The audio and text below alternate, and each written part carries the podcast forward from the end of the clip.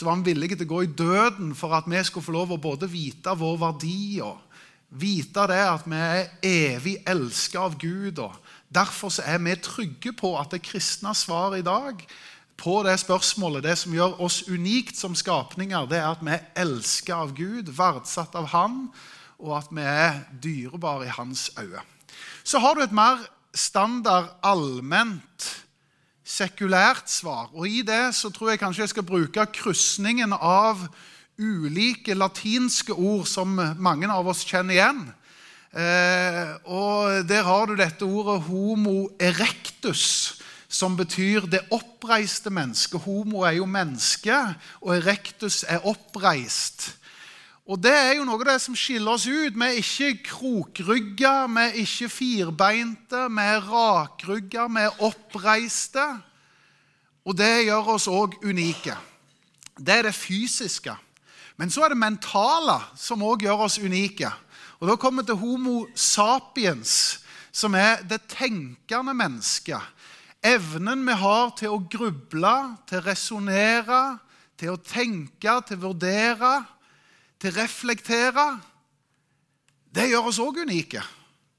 Og så har du det tredje latinske ordet som brukes, som er homo laber, som betyr det skapende mennesket. Det at vi er i stand til å samhandle og få ting til å skje. Det gjør jo at i miksen av disse her latinske ordene så finner du at vi er unike som vesen. Og så kan vi bli fascinert av mauren som bygger maurtue, og vi kan bli fascinert av fuglen som bygger reir. Men mennesket er i stand til Nå er de begynt på en skyskraper som skal være 1000 meter høy. Allerede så fins det romfartøy eh, som tar oss til månen og ut i verdensrommet. Eh, vi vet at mennesker som tenker, resonnere, reflektere, samhandle, skape, kan lage små duppedingser som gjør at verden er digital, og milliarder av mennesker kan ha interaksjon, kommunikasjon, snakke med hverandre, se hverandre, selv om vi geografisk er på helt forskjellige steder. Vi kjenner jo til det. Mennesket er rimelig unikt. Så både fra et klassisk kristent svar og et klassisk allment svar så skjønner vi at jo, mennesket er enestående.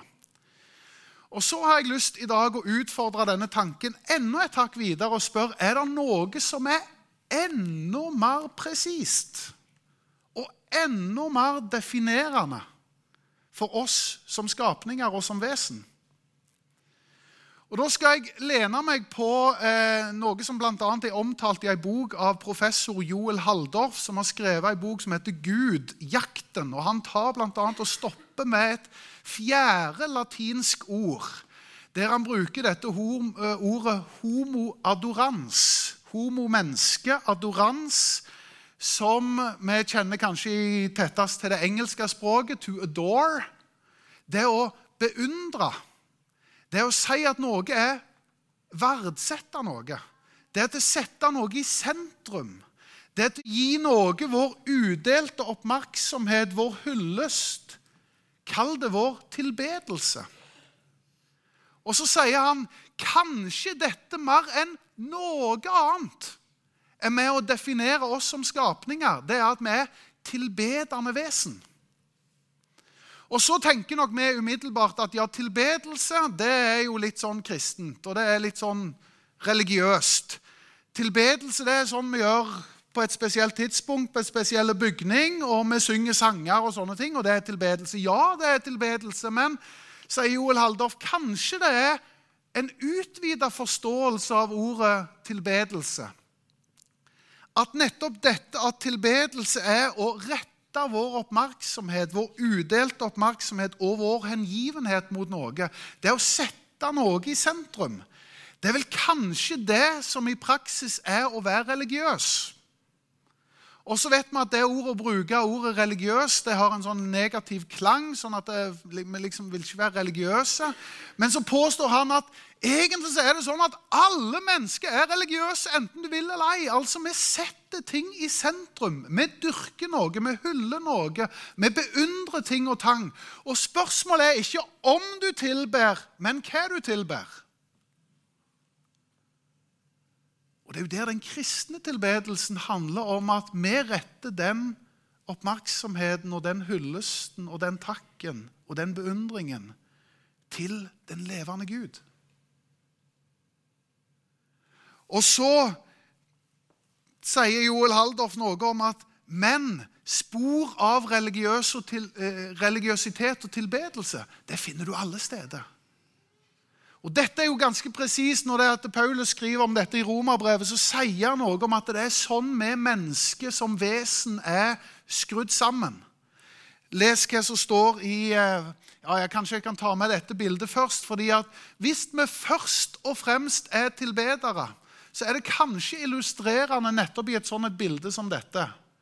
For her til høyre har du forsidebildet til eh, betel.no, som forteller noe om at vi kommer sammen for å hylle, dyrke og tilbe og løfte hendene til den levende Gud. Men de er jo ikke så veldig langt unna disse bildene der hyllesten er til Tiger Woods, Justin Bieber, Elvis Presley og et eller annet fotballag.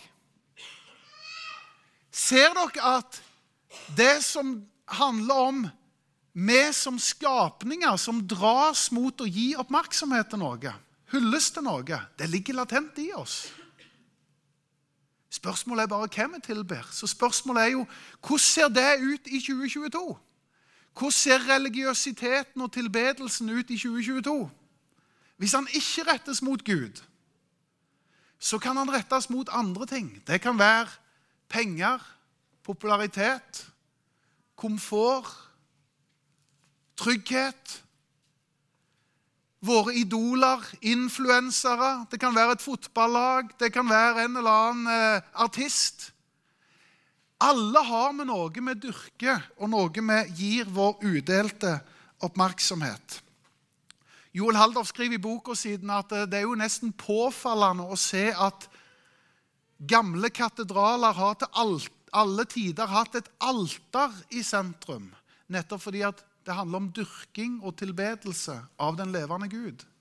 Og Så sier han men kanskje det er sånn at dagens kjøpesenter og butikker er bygd i stor grad nettopp sånn som katedralene. Det har et alter i sentrum. Det byr frem varene sine og sier Kjøp meg, får du meg, så blir livet bedre, da blir livet bra.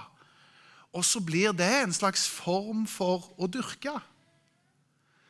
Og Nå kan jo dette høres på en måte som gjør at ja, nå skal vi verken ha fotballag eller hobbyer eller like Elton John eller, eh, eller uh, være, være på en butikk. Nei, det er jo ikke det det handler om. Jeg tror at i kall det passelige porsjoner og i gode doser, så er det fint å både ha hobbyer, og det er bra å ha forbilder, og det er greit å være fascinert av folk og av eh, Jeg kommer aldri til å forlate laget mitt, som for øvrig vant 3-1 i går igjen. Og eh, eh, greien er det at eh, dette å ha disse tingene som krydrer livet, det tror jeg det har ikke jeg tenkt å si som pastor. Jeg tror heller ikke Gud har tenkt å si at nei, nei, huff, huff, ikke gjør det. Spørsmålet er jo bare hva setter du øverst? Hva setter du først? Hva setter du fremst? Hvis noe blir usunt, så blir det kilden til livet ditt. Da blir det det du jager, det du jakter, det du vil ha. Som om det er livets tilfredsstillelse ligger på disse områdene. Og Det er der vi kan lese fra romerbrevet, som jeg toucha innom og sa. Det en kan vite om Gud, ligger åpent for dem, oss mennesker. For, for Gud har åpenbart det for oss. Helt siden verdens skapelse har, har hans usynlige egenskaper vært klart synlige. Både hans evige kraft og hans guddommelighet. Disse kan kjennes av de gjerninger han har gjort. Sånn sett så er det ingen som har en unnskyldning. Og så sier han noen vers seinere Problemet er at de bytta bort Guds sannhet med løgn og tilba og tjente skapningen istedenfor skaperen, han som er lovprist i all evighet. Amen. Hva er det Paulus sier til romerne? Han sier problemet, folkens, det er hvis vi sporer av. Fordi at det ligger latent i oss mennesker at vi er i stand til å spore av. sånn at vi dyrker og hyller og tilber det skapte istedenfor å være på sporet og tilbe skaperen. Det er dette som er med å avgjøre om vi som mennesker treffer blink eller bommer på målet. Det er om vi dras mot den som er skapt til å tilbe, eller om vi tilber skapningen. Du har ikke et valg. Du tilber uansett du vil eller ei. Spørsmålet er hva tilber du? Dette er jo veldig eh, godt illustrert gjennom historien i 2. Mosebok kapittel 32. Der er Moses på fjelltur. Mange her liker å være på fjelltur. Moses er på fjelltur. Den fjellturen blir ikke bare til timer, men det blir til dager, faktisk til uker. 40 dager, fordi han har et nærvær og et møte med Gud som merker han, og som gjør at han skal komme tilbake igjen til folket og bringe Guds hilsen til dem. Men det som har skjedd i mellomtida, det er jo at flokken, som er uten en leder som peker dem i retning av å tilbe den levende Gud, de slutter ikke å tilbe. De fortsetter tilbedelsen sin. Det er bare at de begynner å rette den tilbedelsen mot noe annet. Så De begynner å samle gullringene og det verdifulle gjenstandene, og så smeltes det om til en gullkalv. Og så blir avguden denne gullkalven. Og så kan vi sitte i dag og tenke ja, det er ikke så himla relevant for oss, fordi vi driver jo ikke på med gullkalver og, og, og avguder og, og, liksom har bilder og statuer, sånn som de har i primitive eh, folk og religioner. Men det er jo da jeg stiller spørsmålet Kanskje avgudene fins i dag òg, bare de ser litt annerledes ut. Kanskje de ikke er en gullkalv, men kanskje vi dyrker de tingene som jeg nettopp ramste opp herrene. Og Da er det vi utfordres som mennesker til å si at det som skal være først og fremst i mitt liv, det er den levende Gud. Fordi jeg er en tilbeder. Kanskje framfor noe annet. Jo, jeg er homo sapiens. Jeg er tenkende, grublende.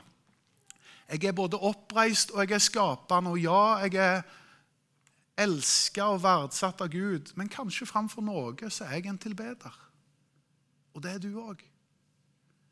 Og Spørsmålet er hvilken, på hvilken måte kan vi adressere denne tilbedelsen som gjør at vi retter mot Gud. Og Jeg måtte stille meg spørsmålet i forberedelsen her. Hvordan ser dette helt praktisk, konkret ut for deg, Knut, i de, din dag, de uker, din måned? Hvordan ser det ut?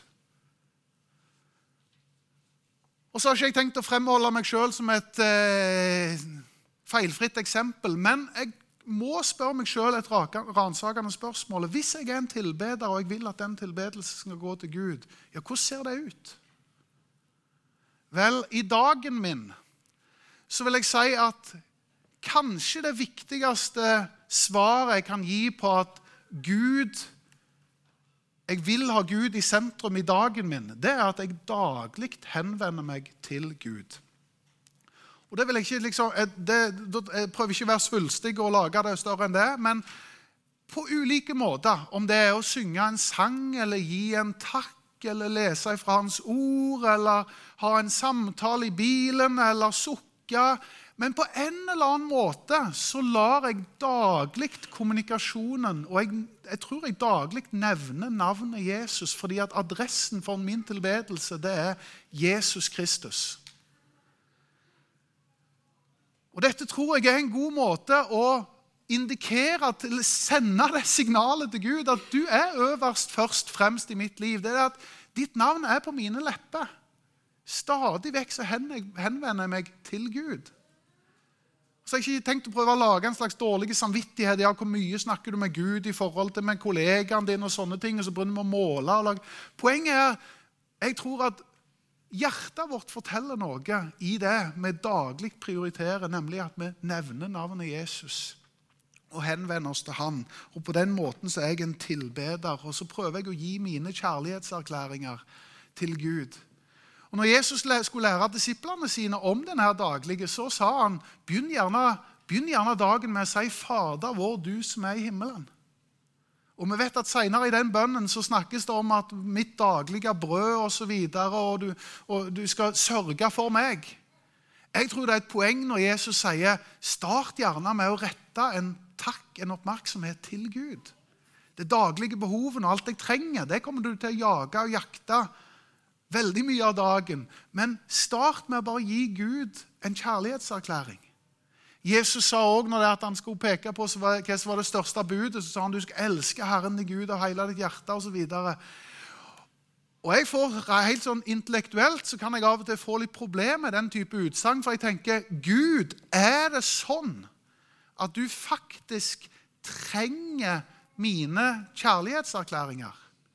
Er det sånn, Gud, at jeg skal elske deg? Altså, Det virker til å være en ekstremt selvopptatt Gud som trenger daglig å høre at vi elsker ham og beundrer ham, er han på en måte ikke større enn som så at han må høre våre kjærlighetserklæringer.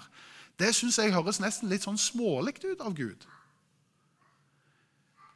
Og Når jeg har stilt meg den type spørsmål, så har jeg kommet til at kanskje det ikke er at det er Gud som trenger mine kjærlighetserklæringer, men jeg trenger det er best for meg å sette Gud i sentrum.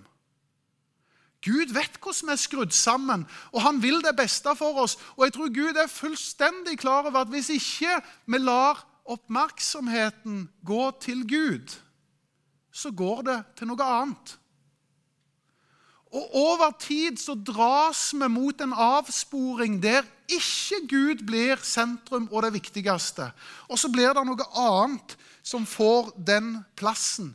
Og Det er jo historien om mennesket fra første Mosebok. Så leser vi om mennesket som blir skapt himmelvendte. fordi vi er jo teosentriske. Vi er sentrerte rundt Gud fra skapelsen av. Men det som skjer over tid, hvis vi ikke gir Gud den oppmerksomheten, det er at vi blir egosentriske. Er vi med på tanken? at vi ikke dras mot Gud, så dras vi mot noe annet. Og så er det spørsmål blir livet mitt og verden bedre hvis jeg blir mer og mer egosentriske. Nei, jeg tror Gud vet at den beste verden er en verden som er himmelvendte. For når mitt ego får lov å bestemme og dras mot, ja, så blir den nye guden For alle har vi en gud. Det blir ikke noe som er over meg, som er større enn meg, men det blir meg sjøl. Derfor så hører vi sånne ting som at vi må realisere oss sjøl. Vi må dyrke oss sjøl. Vi vet best sjøl. Vi må følge vårt eget hjerte. Det er jo så inn i tida så du kan få det. Og så er spørsmålet Det som høres så fint ut, ender egentlig det opp med å bli en annen type dyrkelse? Men istedenfor å dyrke Gud, så dyrker jeg meg sjøl. Og så blir jeg min egen Gud. For alle har min Gud. Og spørsmålet er blir da jeg sentrum for min egen oppmerksomhet. Hvor tar en sånn en livskurs meg? Hvordan ser det ut for meg når det gjelder ikke bare dagen, jeg kunne jo selvfølgelig lagt på veldig mye annet. herrene. Hvordan ser tilbedelse ut i hverdagen? En ting er å nevne Guds navn til stadighet. Jeg tror også at eh, det at du ønsker å gjøre verden til et bedre sted, kan være en slags tilbedelse. Det å tenke at måten jeg møter mennesker på, det jeg, gjør, det jeg gjør mot en av disse mine minste, jeg er, eh, måten jeg kan være imøtekommen på, hjelpsomme på, det er en slags gudstjeneste, det er en slags tilbedelse. fordi at Gud sier ikke bare at vi skal sende kjærlighetserklæringer til Han, men han sier ta dere av hverandre. Og det er en måte å tilbe Gud i det daglige på. Men nok om dagen i dag. Jeg har lyst til å utfordre, for jeg spilte meg selv spørsmålet ikke bare hvordan ser tilbedelsen ut i dagen, men hvordan ser tilbedelsen ut i uka? Hvordan har jeg Gud først og fremst i uka? Og akkurat nå har jeg lyst til å slå et lite slag for det kristne fellesskapet. Og jeg skal si noe godt om det å være her på en søndag som du har prioritert i dag. Det å gå til gudstjeneste det er jo en tradisjon som er flere tusen år gammel. Ikke sånn at noen har kommet på nå, lederskapet i Betel kommer på at vi må liksom samles på søndagene. Nei, vi står i en årelang tradisjon forankra i Guds ord, som handler om at Guds folk òg samles. Og at denne praksisen da med en helligdag, med en sabbat, det har stått sterkt. Det handler jo om å skape et møtepunkt, et treffpunkt, et rom, et pusterom, der vi gir oppmerksomhet til Gud. Og så ser det litt forskjellig ut i ulike religionene. Muslimene har sin fredag, og jødene har sin lørdag, og vi kristne har vår søndag. Egentlig så, så, så fødtes det jo ut ifra at vi i starten som første kristne kirke feirte både sabbaten lørdag og etter hvert søndagen, eh, som helt riktig ble sagt av både møteleder og lovsangsleder her i dag, som var den første dagen i uka. Og Hva var poenget med denne første dagen i uka? Det var jo både at søndagen var en markering av at Jesus hadde stått opp fra de døde, den tredje dag, som var en søndag. og det vil si at Feiringen for Guds folk det var nettopp dette Jesu Kristi oppstandelse. Vi kommer sammen for å feire Jesu oppstandelse. Men så var det dette at det var den første dagen i uka. Og I det så ligger det en dypere betydning, fordi at Bibelen sier noe om at vi skal søke Guds rike først. Ja, Hvordan så det ut for de første kristne? Jo, den første dagen i uka så via de oppmerksomhet til den levende Gud. Det er en hjelp for oss å sette av en tid, et sted, og ikke bare gjøre det å være det søndagskristne, men det er en god måte å markere Kall det nesten som et symbol.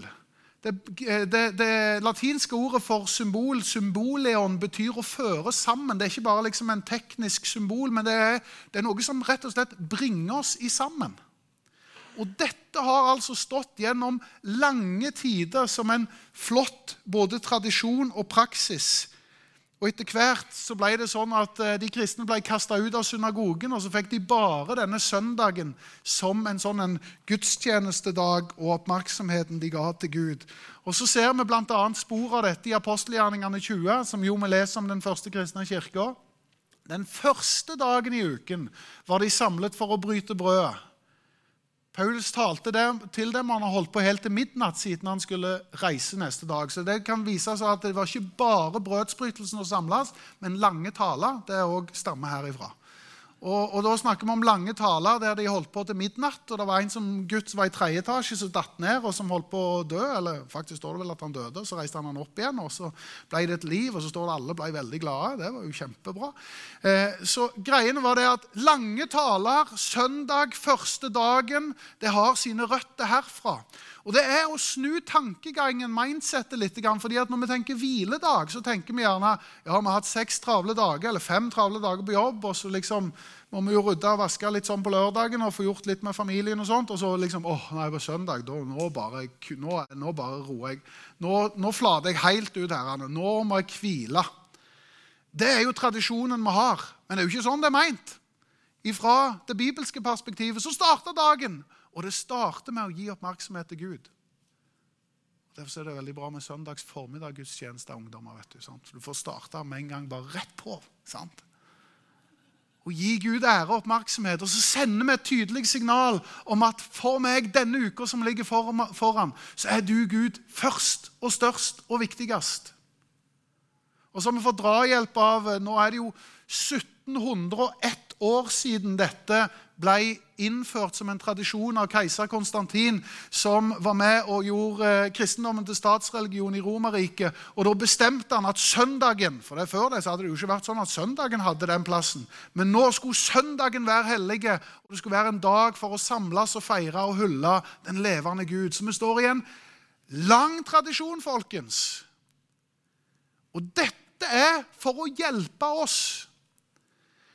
Jeg... Eh, vi gikk en lang tur i går, så sa jeg til Ketlin for vi, Vanligvis så springer vi, da, kan, da er det pusting og pesing, så vi orker ikke å snakke. Men når vi skulle gå, så hadde vi jo så mye tid at da måtte vi si, så sa jeg nå, nå kan jeg tale morgendagens tale for deg på forhånd. sier jeg. Eh, eh, så sa jeg ok, det er ikke sikkert jeg gidder å høre etter, men du kan jo, kan jo gjøre det. sa jeg. Sånn at da, eh, da holdt jeg talen for henne rundt eh, Stokkelandsvannet. Og så eh, hadde vi en liten sånn dialog akkurat rundt dette. her. Vi snakket om dette punktet her, så sa jeg For det bør jo være sånn i et forhold, sier jeg til Ketlin, at eh, hvis du er viktigst for meg, ja, så, så er det ikke sånn overskuddsgreie. Vi får se, Jeg skal liksom gjøre alt annet først. Det er jobb, og det, det er hobbyene mine, og det er alt jeg skal gjøre. Og så får vi se om vi får noe sånn overskuddstid hvis vi liksom ikke har flata helt ut til at vi kan finne litt tid sammen. Og så sier hun det er nok sånn mange kanskje har det. sier hun. Jeg tror det er bra å snu det rundt og si det. Når skal vi ha date denne uka? Når skal vi ha kvalitetstid denne uka? Så vet jeg at det ikke alltid blir sånn. Men det forteller noe om at det som er viktigst for deg, setter du først. Du lager først rom for det som er viktigst. Derfor så, vi, så, så kan kanskje noen spørre ja, men hvordan var det Knut, når det at dere hadde unger. og sånne ting, Så ble det sikkert krangel på hjemmebane. liksom. Da begynte diskusjonene. Ja, men hva, Skal vi gå på søndagsmøte i dag? og liksom Søndag klokka 11 og trøtte og slitne og gidder ikke. og ungene begynner, Iallfall når de begynner å si 'kjedelig, kjedelig'. Da liksom, Hva gjør du da? Og da sa jeg til Getlin da er vårt svar at det valget tok vi ikke hver søndag. Det valget tok vi i 1999. For det var når vi ble forlova. Og da sa vi til hverandre at dette kommer til å være viktig for oss så lenge vi lever. Så det valget er tatt. Så det trenger ikke jeg ta hver uke når diskusjonen dukker opp. Det er tatt. Og i det så forteller det noe om hva er viktig for deg.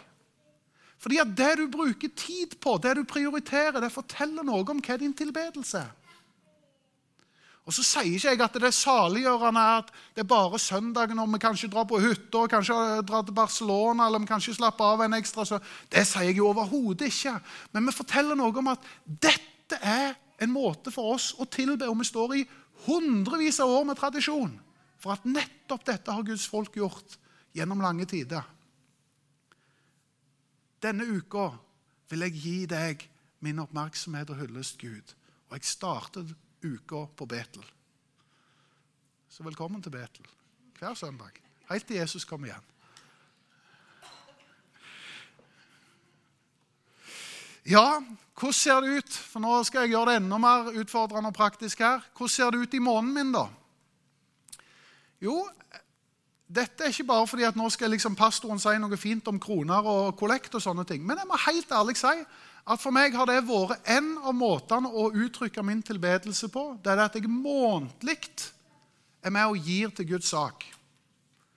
Det første som skjer når lønningen kommer inn, det er at det er fasttrekk som går til Betels konto. Min tiende går til Betel. Og så kan noen tenke det er jo voldsomt dramatisk. Nå begynner vi å snakke om pengene òg her, liksom.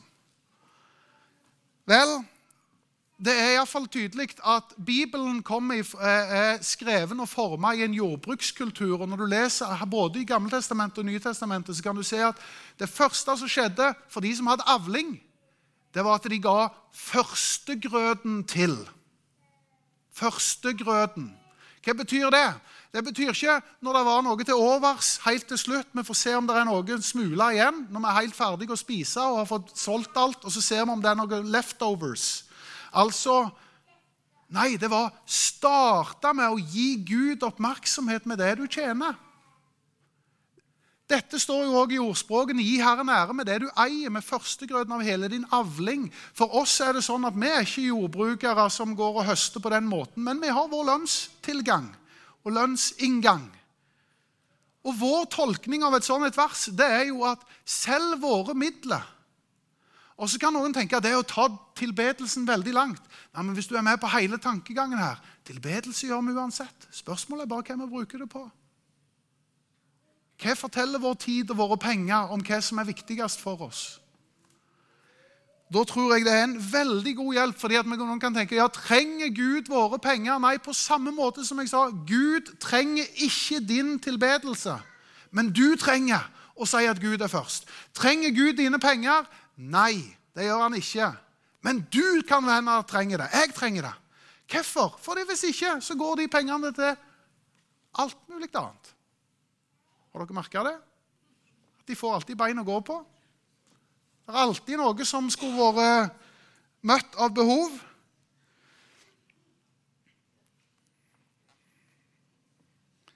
Jeg tror ikke Gud er krevende. Jeg tror Gud er interessert i hjertet vårt. Men Bibelen er krystallklare på at hjertet vårt reflekteres gjennom det vi sier, det vi prioriterer, det vi bruker pengene på, det vi bruker tida vår på. Det er jo det som forteller noe om hva som ligger i hjertet vårt. Så hvis Gud skal ha hjertet, så tror jeg faktisk han sier det er en hjelp for deg. Og det er den beste måten å på en måte forhindre Kall det grådighet, egoisme og selvopptatthet med økonomi, det er å gi bort. Og Nå prøver ikke jeg å si at det er det eneste saliggjørende å gi til Betel sitt kontonummer. Jeg snakker om en raus livsstil. Enten det handler om å invitere noen hjem og si at selvfølgelig så er det middag å få hos oss. Selvfølgelig så kan jeg spandere på sidemannen. Selvfølgelig så kan jeg bry meg om noen som har mindre. Selvfølgelig kan jeg være med og gi til et større formål, et fellesskap, som f.eks. menighet. Jeg snakker om den rause innstillingen.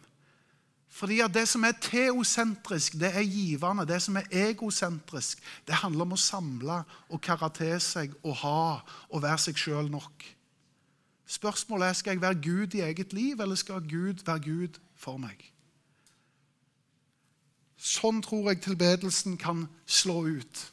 Jesus sto jo ved en anledning foran en heftig utfordring, et dilemma, der en råd, jødisk rådsherre ville prøve å sette ham på plass. Og eh, viste en denar. Og det var litt sånn at enten så Altså, han er i saksa. Nå er Jesus i saksa. Nå skal jeg sette Jesus fast. For det er uansett hva Jesus svarer, så, så, så, så er han tatt. Enten så er han tatt for blasfemi, eller så er han tatt for å være en opprører. Hva mener jeg med det? Jo, fordi at denne denaren hadde en mynt med, med, med bilde av keiseren. Og du skulle ikke ha noen andre gudebilder enn Gud som en troende. Det vil si at bare det å forholde seg til den mynten med, med et bilde av en keiser var i seg sjøl altså Hvis det at du ditcha den, så var du i opprør mot den politiske makt. Mens hvis det at du eh, hvis, hvis, du ikke forholdt deg sånn, så var du blasfemiske, fordi at du skulle bare ha Gud som Gud. Så Jesus er i et umulig dilemma. og Hva skal han svare denne rådsherren som er i ferd med å sette han i saksa? Så sier han, vel, sørg nå for å gi til keiseren det keiseren skal ha, og så gir du til Gud det Gud skal ha. Så løste han hele greiene med en setning. Nydelig. Det er jo bare Gud som kan få til å si noe sånt i Jesus Kristus. Skal vi tolke det inn i vår setting? Er det naturlig for deg å betale skatt? Ja, det er, uten å mukke så gjør du Noen som sier ja, det er kjipt med den skatten, men vi gjør jo det, liksom. Det er jo en del av det store fellesskapet. Selvfølgelig betaler vi vår skatt. Prøv deg å ikke betale skatt. Da skal du se noen som kommer etter deg. Ja, er du med og gir Er du med og betaler for det store kristne fellesskapet? Gir du til Guds sak? Jesus sier det burde være like ryggmargsrefleks for oss å gi til keiseren som å gi til Gud. Ikke vits i å sette opp mot hverandre. Det er en del av vår innstilling og vår tilbedelse. Og så pleier vi å ha en sånn en kollektale, en pengetale, en gang i året. Og det er faktisk ikke i dag. Jeg prøver bare å svare på hvordan ser tilbedelse ut for Knut Idland. Jo, den slår ut sånn i det daglige. Og så slår han sånn, sånn, ut i det ukentlige, og så slår han sånn ut i det månedlige.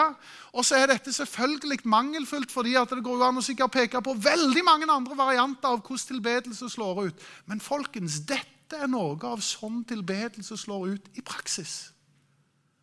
Og spørsmålet er ikke tilber du,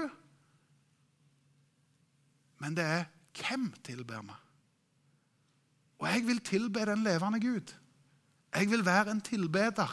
Og Den time den har kommet, den er nå, sier Jesus, da de sanne tilbedere skal komme fram for Far i ånd og sannhet. Og Det handler ikke om kronene mine og kjærlighetserklæringene, men det handler om hjertet mitt. Men i hjertet mitt så reflekterer det både det jeg sier, det jeg bruker tid på, det jeg bruker penger på.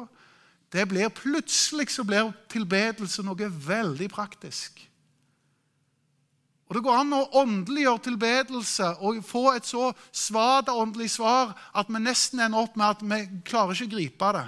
I dag har jeg prøvd å utfordre for å si dette er håndgripelig, folkens. Sånn kan tilbedelse se ut i praksis. Og når vi lurer på ja, har jeg Gud som Gud, dyrker jeg og hyller jeg Han som skaper, ikke bare skapningen, så kan dette være gode sjekkpunkter for oss.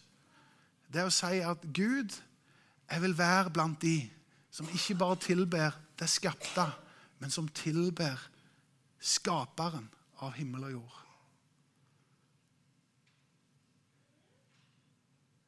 Skal vi gå mot avslutning? Det er rart. I hodet mitt vet du, så blir det sånn at dette er et så lystig, oppmuntrende og kjekt budskap når jeg forbereder det. Og når jeg snakket til Ketlin, tenkte jeg bare wow, dette er jo knallbra sagt. Jeg føler jeg blir litt sånn streng når jeg står her. Og det vil jeg jo ikke. Det er jo ikke sånn jeg vil det skal være. Jeg vil at vi skal bare gripe, folkens. Vi er troens folk. Vi er, om du vil, religiøse.